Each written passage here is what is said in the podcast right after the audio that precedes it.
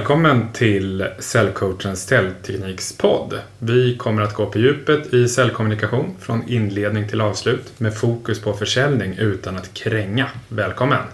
Och jag är Göran Wernersson, tidigare försäljningschef i åtta olika branscher och är idag utbildningskonsult på Cellcoachen som jag grundade 2009. Vi är idag sex stycken konsulter som finns i Göteborg, Stockholm och Malmö. Och jag själv håller säljkurser för cirka 50 till 100 säljare i månaden. Allt ifrån grundkurser till kamkurser och företagsanpassade säljutbildningar.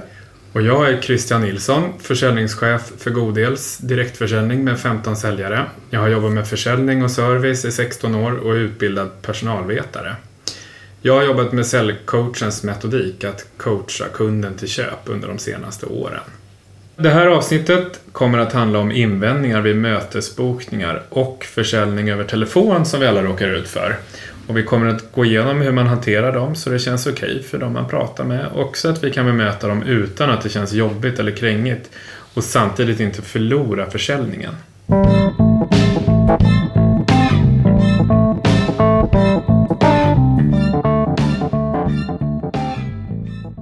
Det här med invändningar Christian, varför är det så viktigt för oss säljare att kunna hantera dem som en del i mötesbokningen eller som en del i försäljningen över telefon? Jo, det är så att nästan alltid oavsett bransch så blir det ju väldigt många nej när man ska boka möten eller sälja per telefon. Och då gäller det att vara förberedd, både mentalt och försäljningsmässigt. Annars kan det bli ett riktigt stort säljhinder som gör att vi inte ringer lika mycket som vi borde. Så för att motverka det så måste vi förbereda oss mentalt på att invändningar kommer att komma. Och vi måste också förbereda oss med rätt säljteknik för att kunna, eller för att kunna använda dem i försäljningen på ett positivt sätt. Jo men det, det är ju ganska vanligt och, och eh, de två vanligaste problemen med invändningarna brukar vara eh, att, att man nästan alltid går i försvarsställning. Mm. Eller att man faktiskt inte vet vad man ska säga. Och då avslutar man ju samtalet eh, väldigt snabbt. Egentligen så snabbt det bara går. Mm. Och eh, problemet är då att vi ringer mindre och försäljningen sjunker och vi får färre möten bokade och vi får färre eh, försäljning över telefon helt enkelt. Mm. Jag tänker så här, vi på Godel kan ju många gånger om man inte har rätt säljteknik hamna i försvarsställning. Framförallt om det är en ny säljare som det handlar om. Och jag tror att det här är någonting som är vanligt när man säljer över telefon. Och det beror nog ofta på att man är pressad som säljare. Ja men det är otroligt vanligt även här oavsett bransch och även vanligt bland rutinerade säljare då, som inte har ringt på ett tag. De får lite eh, propåer ovanifrån att du måste boka mera möten och då känner man sig pressad och stressad och, och då är det väldigt, väldigt lätt hänt att hamna i försvarsställning och nästan pressa in ett möte. Då. Mm. Tror du att det skulle kunna vara det största säljhindret alla kategorier? Ja, det beror lite på vilken typ av försäljning som man är, eh, håller på med just nu. Mm. Eh, och, men framförallt då bland eh, telefonsäljare och tembolag så är det riktigt stort då. Men kanske inte riktigt lika vanligt i mötesbokning då. Invändningar utan tvekan det, det som får oss säljare att ringa mindre. Så att oavsett om man går i försvarsställning eller inte så är just invändningar, ja men det är det som får oss att ringa mindre. Det känns jobbigt helt enkelt. Mm. Jag tänker så här, om vi återgår till det vi pratade om ovan den, innan det här då. Så att man gärna avslutar samtalet så fort det går. Varför gör man det egentligen Göran? Ja men det, varför man gör det och det handlar ju väldigt ofta om eh, vid mötesbokning att man avslutar det ganska snabbt och det gör man oftast för att man vill inte tränga sig på, man vill inte känna sig som en krängare. Och det, redan på förhand så, så, tycker man att det är obehagligt att ringa då. Och för, för att snabbt bli av med obehaget så, så säger man bara okej okay, då vet jag, vi hörs kanske någon annan gång, hej hej. Just det, man är mm. nästan lite ursäktande. Ja, man är lite ursäktande på något sätt. Det tycker jag stämmer ganska bra.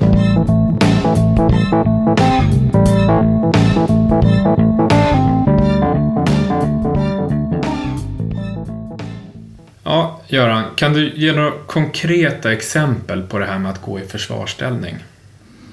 Jo, men som vi sa, de vanligaste invändningarna brukar vara att vi har inget behov, det är inte intressant. Inte just nu. Eller vi har redan en leverantör. Det brukar vara de tre vanligaste invändningarna. Mm. Nästan oavsett om man säljer tjänster eller produkter. Ja.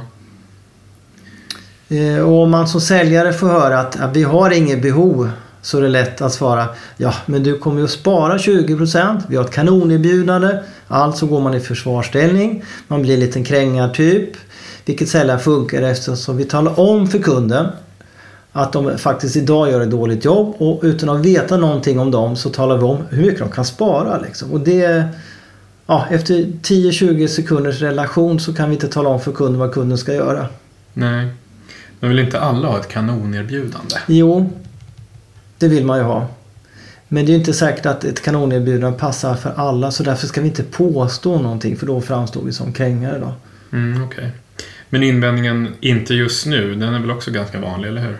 Jo men den, den, är, den är ganska vanlig och den är definitivt i alla branscher. Varför svarar man så då? Ja, man tycker ändå att det är lite intressant då. Men man, mm. men man har faktiskt inte tid just nu. Så på något sätt så är det en ganska sann invändning att ja men inte just nu då.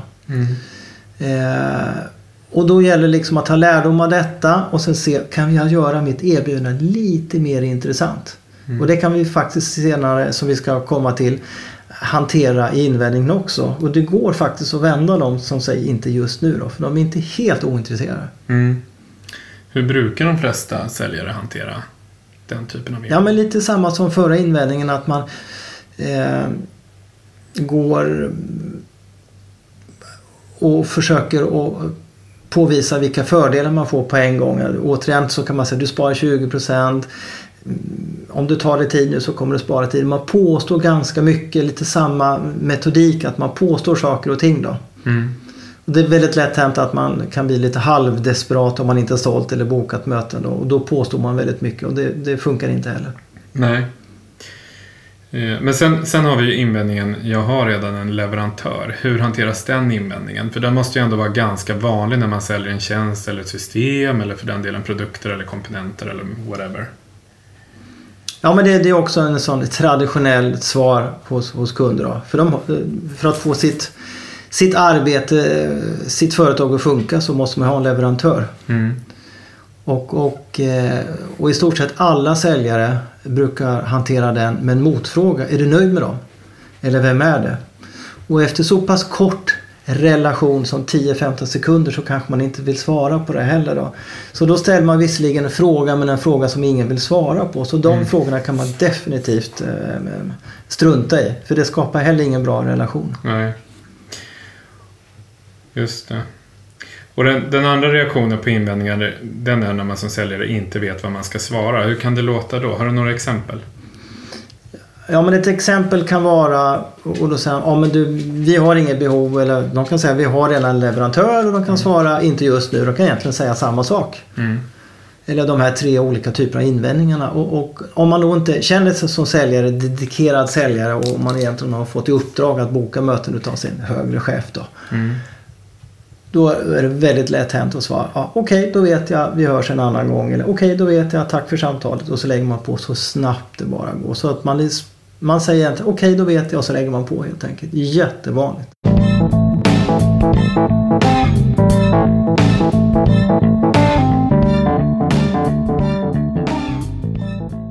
Det här med att gå i försvarsställning, eh, vad ger det för konsekvenser i säljsamtalet Christian? Jo, då framstår vi ju som krängare och övertalar dem och ingen vill höra på en krängare. Väldigt få säljare vill låta som en sån som, alltså, som en krängare. Och då mm. ringer vi ju färre samtal. Ja. Och, och, eh, och, och det kanske det vanligaste sättet att hantera en invändning på är ju att man inte vet vad man ska säga. Och vad ger det för konsekvenser då? Alltså det är oftast lite vanligare än går försvarsdelen. I alla fall när det gäller mm. mötesbokning. Mm. Och så vidare då. Eh, alltså de som inte är riktigt professionella telefonsäljare då. Mm. Men samtalet blir ju väldigt kort och den största förlusten egentligen det är ju att man missar många återkomster och möjlighet till framtida affärsrelationer. Mm. För en invändning går ju att vända utan att framstå som en krängare om man har rätt säljteknik. Ja. Du, du, det här med återkomster. Mm. Vad, vad, förklara, vad, vad är en återkomst? Ja, men en återkomst är ju att man ber att få återkomma om det passar kunden. Ja. Eh, och då har man ju redan byggt upp ett förtroende och en relation och det gör mm. att man har en helt annan ingång nästa gång man ringer. Ja. Så varför är det bra att samla på återkomster? Därför att det kommer leda till fler sälj i framtiden. Ja, ja nej, men det, det är ganska enkelt. Då har man redan en relation där man kan ringa andra gången och ja. så vidare. Mm. Och oftast kommer ju vi säljare ihåg mer än vad de kommer ihåg. Ja, Av det vi skulle återkomma om. precis. Så det kan också vara ett riktigt, riktigt bra Mm. sätt att få fortsatt försäljning fast man får en invändning. Mm. Och hur, eh, ja men till sist, hur påverkas vi säljare mentalt utav invändningar? Vad är det som, eh, som, som sätter griller i huvudet på oss och vad är det som gör oss så illa berörda många gånger? Men jag tänker så här, men mentalt så innebär det oftast för oss säljare att man helt enkelt... man- Det kan vara så att man slutar ringa eller man ringer väldigt få samtal. Eller ringer mindre helt enkelt. Men framförallt så tycker man att det känns jobbigt att ringa. Det blir en mental spärr att göra det. Eh, och genom att vara förberedd så får vi mer trygghet och det känns även roligare att hantera invändningarna. Det känns helt enkelt okej att få ett nej men det känns inte deprimerande. Mm, mm. Så, så om vi tar ett exempel på godel. Om du ser en rutinerad säljare jämfört med en, en ny säljare. Vad, vad är skillnaden i konsekvenser där? Eh, En rutinerad säljare tar ju gärna en återkomst för de vet att det är mycket större chans att de får sälja nästa gång. Men då vet man också att det tar ju längre tid för det kan ju vara en eller två eller ett halvår. Ja. En eller två månader då eller ett halvår innan man får ringa nästa gång. Så de lyckas samla på sig flera, Exakt. mycket fler återkomster Ja. än en nybörjare då. En ny vill ju gärna sälja här och nu. Ja, och vi gärna lägga på. Tycker det är lite jobbigt att ta nästa Mm. samtal igen då. Mm. Alltså mycket handlar ju här om att, att, att inte missa några säljchanser för, bara för att man får en invändning då. Precis.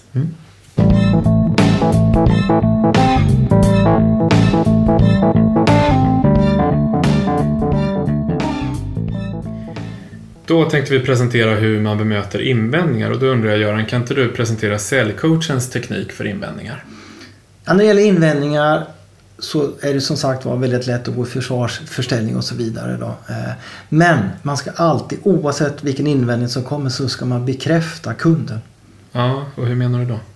Ja, eh, det handlar om att jag förstår vad du menar. Eh, De flesta av våra kunder reagerar precis som du gör.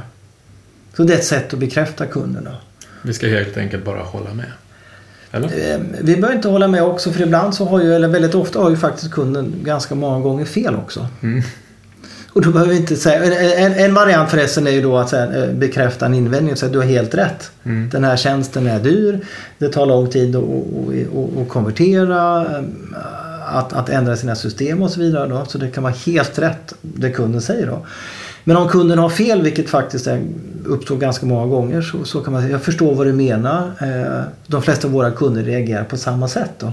Så man kan bekräfta på lite olika sätt. Då. Så jag tycker inte att man ska säga att kunderna har rätt när de faktiskt har fel. Men vi kan förstå att de känner och tycker så. Mm. Vad, finns det något mer då? Ja men eh, nästa steg är att- man har bekräftat kunden då. För då känner man, förresten ska vi bara säga att när man bekräftar kunden då får kunden någon form av en, en, en, en förtroende för oss och att man inte är ovanlig, att man inte förstår eller vill då. Mm. Det gör också att vi skapar ett förtroende i samtalet då. Och, och det det är lättare att gå vidare då. Och nästa steg handlar eh, om att vi ska försöka ställa frågor och ta reda lite mer på om invändningen, om den är hög eller låg eller om, den är, om det finns någonting i invändningen. Mm. Och, och, och det kan ju till exempel, om vi nu pratar om det ett system, då kan vi faktiskt ställa frågan när de senast gjorde en uppgradering och senast köpte den här. Och, Mm. eh, vi skulle kunna till och med ställa frågan, finns det någonting som gör att du skulle kunna eh, vara intresserad av att titta på någon annan leverantör ett annat system? Just det. Så istället då för att komma med ett påstående att de sparar 20% eller sparar 30% av tiden så kan vi ställa frågan vad skulle kunna få dig att ändå ta ett möte med oss för att se om du skulle ha nytta av våra tjänster. Mm. Så det är också en, en, en sån här lite bra sätt att ställa frågan för då eh, får, får kunderna chans att svara egentligen istället för att få, få ett påstående rakt på sig. Det känns ödmjukt också. Ja men det är ganska eh, ödmjukt och det, funkar ju på oss Mm. generellt sett. Mm. Mm. Nu vet jag att det finns eh, tre steg här och du har presenterat två. Så Ja. vad är det sista steget? Ja men det sista steget det, det, det mm, handlar väldigt mycket om att försöka plocka fram de bästa säljargumenten vi har med våra komponenter, produkter, system eller el för den delen också. Och presentera det med ett säljargument. På den här tjänsten, eh, med den här tjänsten kommer du spara 20%, 30% och min fråga är till dig, skulle det vara intressant för att se om ni kan göra det också? Eller är du 100% nöjd? Mm. Så man kan alltså ändå, därför är det så viktigt eh, med invändningar, faktiskt jobba med säljargument och ändå plocka fram de bästa säljargumenten och fråga om det eh, finns en möjlighet att de skulle kunna uppnå samma fördelar. Då. Mm. Återigen inte påstå utan men ändå liksom göra det tydligt för dem. Då.